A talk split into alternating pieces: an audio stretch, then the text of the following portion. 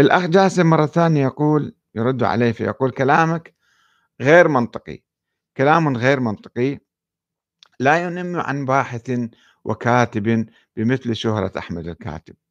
لأني قلت لك لا تخلط بين السياسة والدين. فإذا تكلمنا في السياسة خليك في السياسة. دع, دع منك أو دع عنك المسميات آل فلان وآل فلان أهل السنة يدينون بالكتاب والسنة جميعا.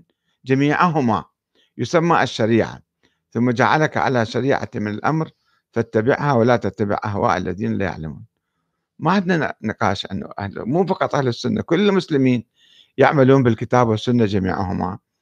ولكن في تفاصيل طبعا بعض السنة كانوا يقولون ولا يزالون يقولون أيضا أن الأحاديث أو ما يسمى بالسنة المزورة يعني هي تهيمن على الكتاب وتحكم الكتاب وبالتالي مثلا لا يأخذون آه، يجمدون العمل بالقرآن لكي يعملوا بحديث معين أنه هذا ولي الأمر أو طاعة ولي الأمر حتى لو شرب الخمر بالكعبة وزنى بالتلفزيون نصف ساعة فهذا يبقى ولي أمر ليش؟ لأنه عنده حديث طيب أين القرآن؟ ماذا يقول القرآن في هذه المسألة؟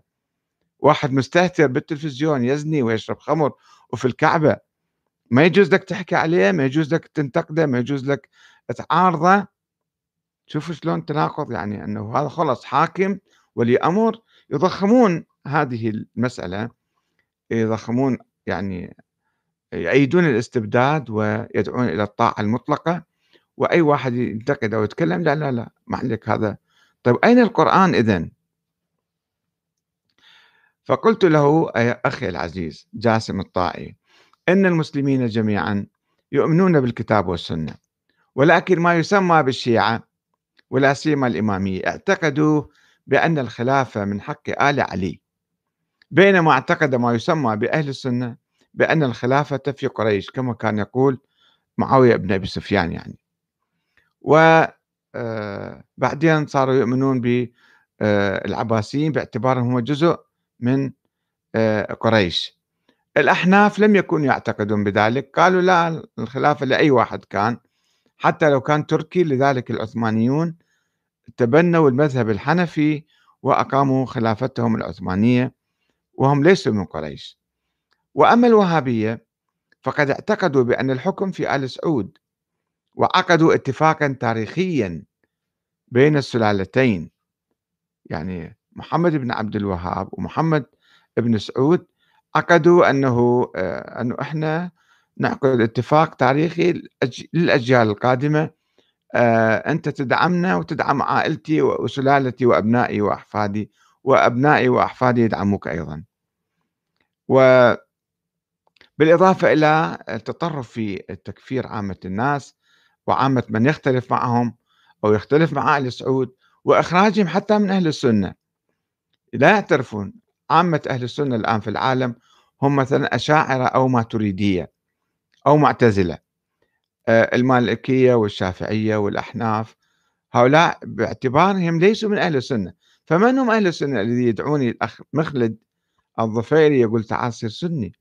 سني سلفي ولا سني أشعري ولا سني مثلا معتزلي حنفي؟ فهنا المشكلة هو ما عنده تعريف واضح لأهل السنة وأي تيار من أهل السنة. الأحناف لم يكونوا يعتبرونهم من أهل السنة. وكذلك آه، حتى الآن إذا تذهبون للسعودية يقولون نحن آه، الحنابلة فقط أهل السنة والأشاعرة اللي هم المالكية والشافعية. هؤلاء ليسوا من أهل السنة. مجازا نعتبرهم في مقابل الشيعة نسميهم سنة. وأيضا إباحتهم دماء من يختلف مع آل سعود ولو بكلمة كما قلنا كما قتل الشهيد الشيخ نمر النمر رحمة الله وغير الآن علماء بالسجن آه، آه، آه، علماء كثيرون من من الوهابيين أيضا من الناس الموحدين لا نقول وهابيين الآن موحدين فقط لأنه لم يبصموا على كل ما قام به الحاكم أو ابن الحاكم ولم يؤيدوا كل شيء أو اعترضوا اعتراضا بسيطا أو على شبهة معينة. يذبون بالسجون؟ روح مؤبد. بدون محاكمة بدون شيء. أو أشياء بسيطة مثلا آآ يشوفون يضطهدون الناس، وهؤلاء لا يتكلمون ويؤيدون، الشيوخ قاعدين فقط يؤيدون ما يفعل الحاكم. والآن الوهابية الحديثة كما قلت آآ تعتبر الديمقراطية أو الشورى الحقيقية. آآ هذا كفر وإلحاد وشرك، وكتب عندهم في هالمجال، فتاوى في هالمجال كثيرة، آآ تحدثنا عنها سابقًا ويمكن نتحدث في المستقبل إن شاء الله.